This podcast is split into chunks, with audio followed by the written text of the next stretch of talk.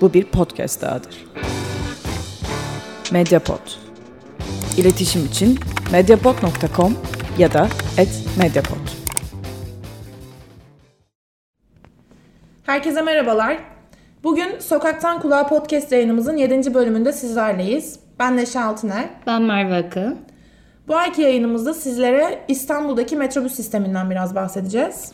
Ee, burada konuyu birazcık daha detaylandırmamız gerekirse aslında metrobüs sisteminin e, kendisinden bir ulaşım türü olarak kendisinden değil metrobüs sistemine yaya erişiminden ve yolculukların e, yaşatmış olduğu hissiyat üzerinden ele almaya çalışacağız. E, zaten Sokak Bizim olarak gerçekleştirdiğimiz ve dahil olduğumuz projelerde de her zaman insan odaklı ve yayaları ön plana çıkarmayı hedefleyen projeler. E, dolayısıyla bu durum, e, bu bakış açısı bizim kişisel hayatlarımızda ve profesyonel hayatlarımızda da benimsediğimiz bir bakış açısı. Çok uzun zamandır Sokak Bizim'de gönüllü olarak çalışan üyeler olarak aslında e, bir şekilde pek çok projede insan odaklı ulaşım, sokak kültürü ve insan odaklı ulaşım dediğimiz noktada da yaya ve bisikletli gibi savunmasız kullanıcı türlerinin yer aldığı, onları ön plana çıkaran, onların e, kentte yaşadıkları zorluklara odaklanan ya da kenti nasıl daha iyi hale getirebileceğimizi onlar için de özellikle düşünen projeleri hayata geçirdik. Ya da bu tip projelerde de paydaş olduk. E, bu anlamda baktığımızda ayda bir gün sokak bizim etkinliklerimiz ya da kaldırım nerede e, çalışması, etkinliği diyebiliriz yine. Ya da e, Avrupa Hareketlilik Haftası ki teması çoğunlukla toplu taşıma ya da e, yaya bisikletli gibi yol kullanıcı türlerine odaklanır.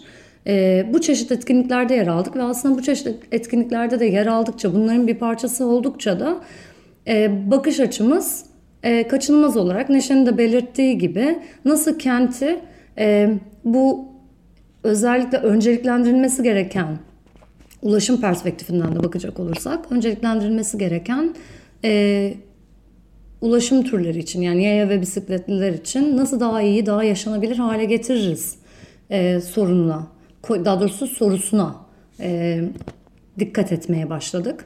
Ve kaçınılmaz olarak bu bizim e, gündelik yaşamımıza, daha sonrasında profesyonel hayatımıza ve yaptığımız akademik ya da kişisel çalışmalara da yansıdı. Bu anlamda da ikimizin de aslında ortaklaştığı nokta metrobüsle ilgili çalışmamız oldu. Yani birbirimizden ayrı ayrı farklı zaman dilimlerinde gerçekleştirdik belki ama en büyük ortak noktamız Sokak Bizim'de üye olmak ve Sokak Bizim'in bize aşıladığı bakış açısını e, kendi çalışmalarımıza yansıtmak oldu.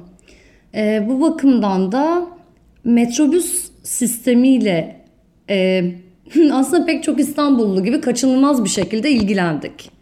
E, bu podcast'i dinlerken sizlerin de çok büyük ihtimalle aklına gelecek şeyler günlük hayatınızda hele ki e, iş yani ev iş iş ev yolculuklarınızda kullanıyorsanız ki bu demektir ki pik saatlerde kullanıyorsunuz. Yaşadığınız sorunlar birer birer bunu dinlerken gözünüz önünden geçecek büyük ihtimalle. Bu noktada sizlere kendi çalışmam temelinde biraz kişisel deneyimlerimden bahsedebilirim. Ben İstanbul'a e, kıyasla daha küçük bir yerleşim yerinde doğdum, büyüdüm ve e, İstanbul'a ilk geldiğimde birçok şey aslında beni çok üzüyordu. Örneğin e, yolda mendil satan bir çocuk görmek bile benim bütün günkü ruh halimi etkiliyordu. E, fakat bir noktadan sonra e, görüp duyup bilmemeye başladım. Çünkü bu benim aslında hayatımın bir parçası haline geldi. Çünkü metropol hayatı o kadar fazla uyarını bir arada barındırıyor ki ben bunların hepsine tek tek cevap vermeye ya da içsel bir tepki oluşturmaya çalışsam muhtemelen kendi içimde bölünür ya da kaotik bir hale sürüklenirdim. E, ve bunu düşünerek aslında hani metrobüsle ilişkilendirdim diyebilirim. Çünkü e, baktığınızda metrobüs metropol hayatının ihtiyaçları doğrultusunda doğmuş bir ulaşım sistemi. E, ve bu noktada metropol hayatının dakikliğine, e, hızına cevap verebilmek zorunda. E, fakat ben metrobüse bir ulaşım sisteminden, ulaşım biçiminden ziyade aslında kentin yoğunluğu en yüksek mekanlarından biri olarak yaklaştım. Ve baktığınızda fiziksel olarak çoğu zaman omuz omuza durduğumuz bir mekan burası. Fakat e, zihinsel olarak nasıl konumlanıyoruz acaba? Buna biraz odaklandım.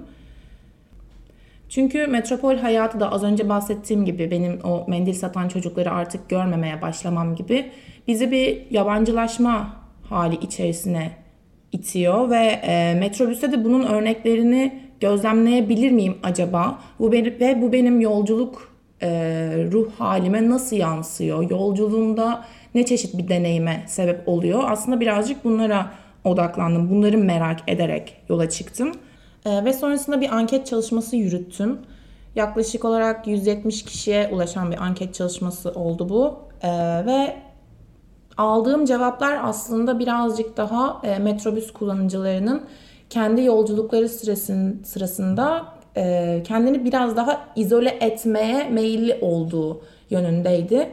Çünkü e, çok kalabalık olduğu için e, çeşitli e, şeylerden çekiniyorlar. Yani fiziksel olarak temas, kişisel alanın ihlali gibi konular insanları rahatsız eden şeyler ve bu yüzden birazcık daha izole bir e, haleti ruhiye içerisinde bürünüyorlar diyebilirim. Ve baktığımızda çoğu e, in, kullanıcı aslında kitap okumak, müzik dinlemek, dışarıyı seyretmek gibi farklı e, tepkiler geliştiriyor. Ama bir yandan da mesela sorulardan birinde hani metrobüs yolculuklarımda ne yaparım gibi bir şey e, bir soru vardı ve bu soruda bir şıkta diğer insanları gözlemlerimdi ve buna verilen bu şık aslında çok fazla seçilmişti. Ve bu beni birazcık şaşırttı. Yani aslında birbirimizi merak ediyoruz ama herhangi bir etkileşim, paylaşım içerisine girmek konusunda bizi geride tutan bir sebep var. Bu benim merakımı birazcık kamçıladı diyebilirim. Hani neden böyle? Ve ben bunu en nihayetinde bu yaşadığımız yabancılaşmaya bağladım. Ee, peki metrobüs neden tercih ediliyor? Hani madem biz e, konforlu hissetmediğimiz bir ortamdayız, neden hani farklı ulaşım biçimleri değil de metrobüs tercih ediyoruz? Bununla ilgili sorduğum sorulara da genelde hani anket çıktılarından yola çıkarak cevap verecek olursam insanların tercih sebebi aslında hızlı olması ve bizi bir yerden bir yere diğer ulaşım biçimlerine göre daha çabuk ulaştırmasıydı. Aslında buna yani kent içi ulaşım türlerinde baktığımız zaman değerlendirdiğimizde raylı sistemlerin de evet. özellikle bu nedenden dolayı çok sık tercih edildiğini görüyoruz. Zaten hani anket sorularımdaki bir diğer şey, e, bir diğer soru da e, hani metrobüs kullanmasaydınız aynı güzergahta farklı bir ulaşım aracı olsaydı ne tercih ederdiniz? En çok mesela raylı sistem e, cevabı almıştım. Çünkü o da yine hız talebini cevaplıyor. Ve güvenilirlik. Evet. Yani zaman bakımından güvenilirlik sağlıyor. Ee, aslında son derece hani açıklayıcı. Ama sanıyorum burada e, metrobüsün problemi diyelim, Hı-hı. sorunu, en temel sorunu e, aslında raylı sistemden farklı olarak e, daha az kapasite diye yani daha az insan taşıyabiliyor olması kapasite bakımından. E, bu da birazcık yani kentsel ulaşım planlamasıyla alakalı çok böyle aşırı teknik konulara girmeyelim ama e, gerçekten de e, metrekareye düşen insan sayısına baktığımız zaman gerçekten ciddi bir yoğunluk görüyoruz özellikle de bu sabah ve akşam pik saatleri dediğimiz saatlerde.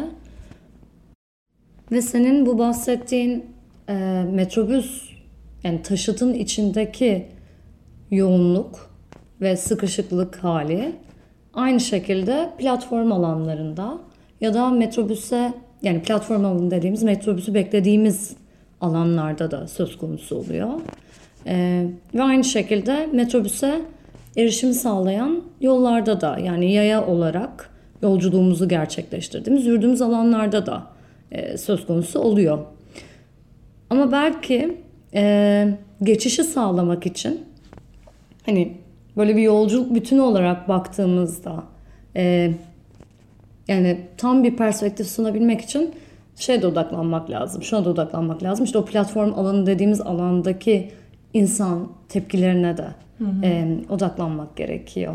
E, benim yaptığım çalışma, araştırma daha çok metrobüse ulaşım, yani yaya olarak erişim e, noktasında ağırlıkla bir değerlendirme yapmayı hedeflemişti. E, o yüzden ben daha çok nasıl eriştiğimizle yani yaya olarak nasıl eriştiğimizle, nasıl yürüdüğümüzle ilgilenmiştim. Ama hakikaten e, bence şey de çok kıymetli. Platform alanında işte o bekleme alanında yaşanan e, durum yine senin de hani açıklayabileceğin, e, değerlendirebileceğin ve bir, bir yandan da tartışabileceğin bir konu diye düşünüyorum. Çünkü oradaki e, yolcu davranışları da aslında farklı. Diğer ulaşım türlerindeki yolcu davranışlarından farklı.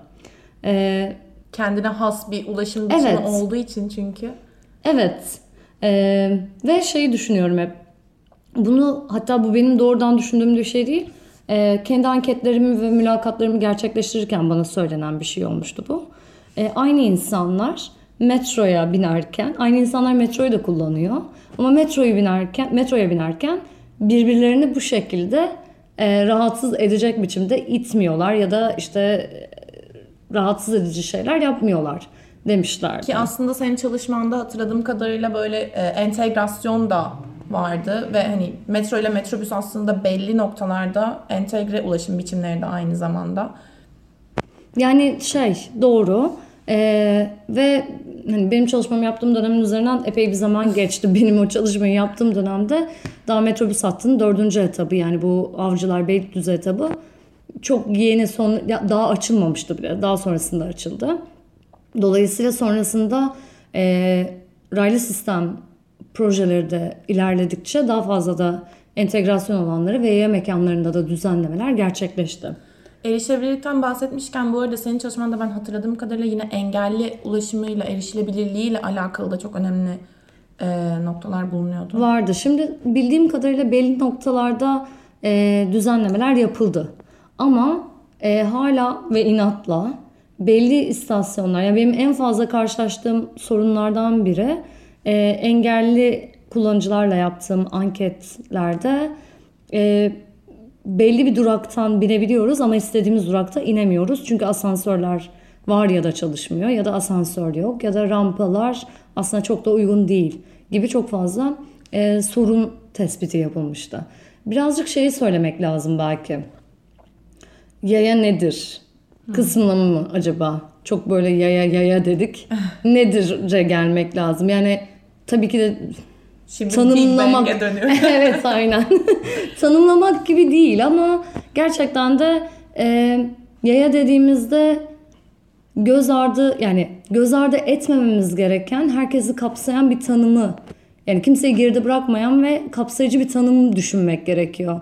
Bunun içinde işte e, yeterince temsil edilmeyen gruplar olarak da tanımlanan engelli kullanıcılar, yaşlılar, çocuklar, e, ve aslında ebeveynler puset değilseler ya da valizini taşıyan, bavulunu taşıyan bir insan bile e, kabul edilebilir.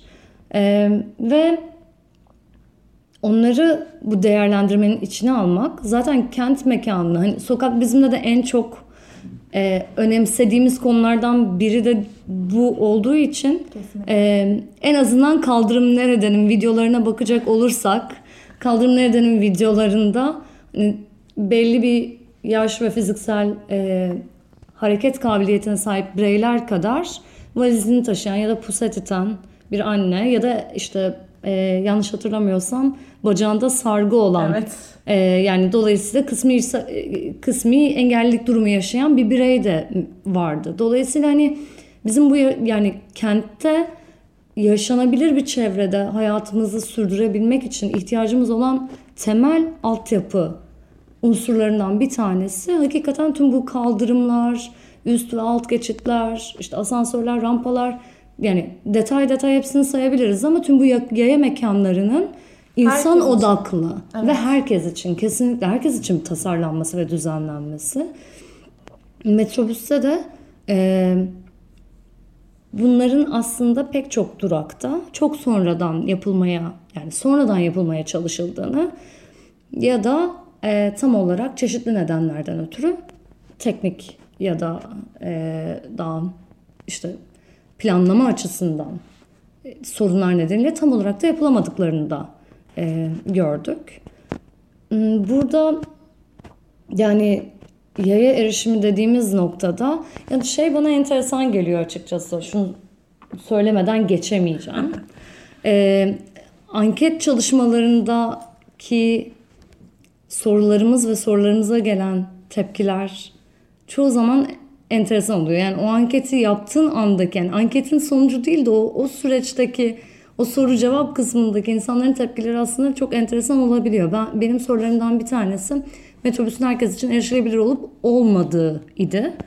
Ve e, şıklara geçmeden yani daha insanların büyük bir kısmı hatta Yo hayır tam aksine şey falan diyorlar yani ne olacak ki biz taşırız biz yardımcı oluruz gibi cevaplar verenler de vardı. Hani o, o noktada da Yani birey, birey olma yani belki senin çalışmana da çok güzel e, bir yani nasıl diyeyim dokunan bir kısım. Yani aslında o birey birinden yardım almadan kent hayatında varlığını sürdürmek istiyor, varlığını gerçekleştirmek istiyor.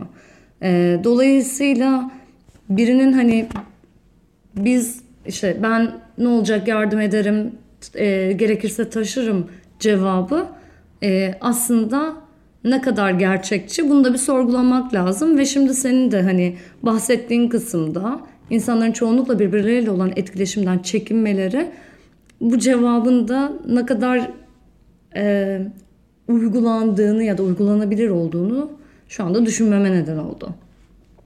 Bununla birlikte senin de e, çalışmanda dikkatimi çeken konulardan biri e, anket cevaplarında metrobüs kullanıcılarının %51'lik yani büyük bir kısmının metrobüse yürüyerek eriştiğini, ulaştığını söylemesiydi. E, ve şey yani aslında ben o yürüyerek erişenlerin neler yaşadığını anlamaya çalışmıştım.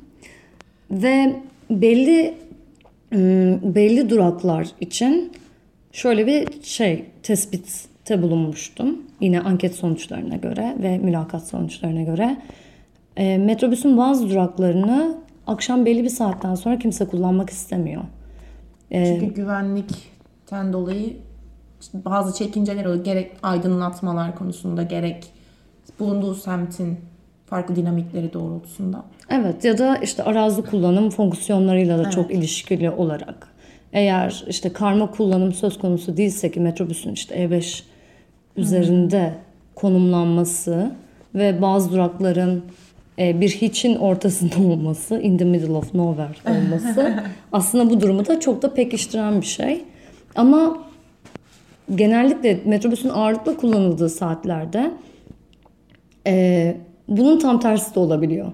Çok yoğun olduğu için de o durağı kullanmayı istemiyor istemeyebiliyor insanlar. Çok kalabalık olduğu için de. Mesela benim anketimde de benzer bir soru vardı. E, durakları 3 sıfatla tanımlamasını istemiştim kullanıcıların ve anket katılımcılarımın daha doğrusu. E, ve en çok tekrarlanan e, sıfat bu aldığım cevaplar içerisinde kalabalıktı. Yani okey metrobüs her zaman çok kalabalık bir ulaşım türü ama e, insanların özellikle de aslında bundan rahatsızlık duymaları aslında bize durumun ne kadar önemli olduğunu tekrar altını çiziyor diyebiliriz. Evet katılıyorum.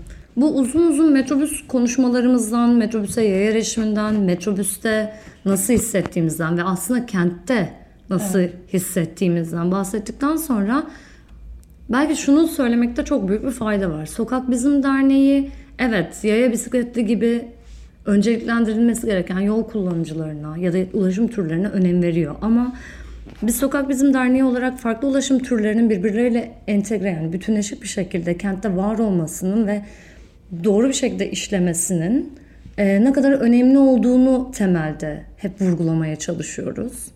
E, ve bu bence metrobüs sadece kent hayatımızda özellikle ulaşım ve gündelik yaşamımızın bir parçası olarak bu alanlarda karşılaştığımız ya da deneyimlediğimiz konulardan sadece bir tanesi. Metrobüs bu anlamda bir örnek olması bakımından önemli. Evet bugün e, metrobüs odağında tartıştık konuyu ama aslında bütün ulaşım biçimlerinin temelinde e, insan olmalı diyebiliriz. Ee, Buna inandığımız için zaten sokak bizim olarak yaptığımız çalışmalarda, yürüttüğümüz projelerde e, olaya insan ölçeğinden bakmaya bu kadar önem veriyoruz. Çünkü kentin bu şekilde planlandığında aslında daha yaşanabilir olacağını da inanıyoruz. Ve bu şekilde düşünen, e, aynı kaygıyı paylaşan e, ya da aynı önemi veren herkesi de e, derneğimize bekliyoruz. O zaman bir sonraki yayınımızda görüşmek üzere. Evet şimdilik bizden bu kadar. Hoşçakalın. Hoşçakalın.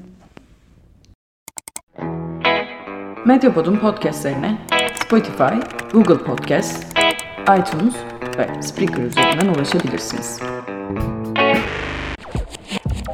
Medyapod'u desteklemek için patreon.com slash medyapod.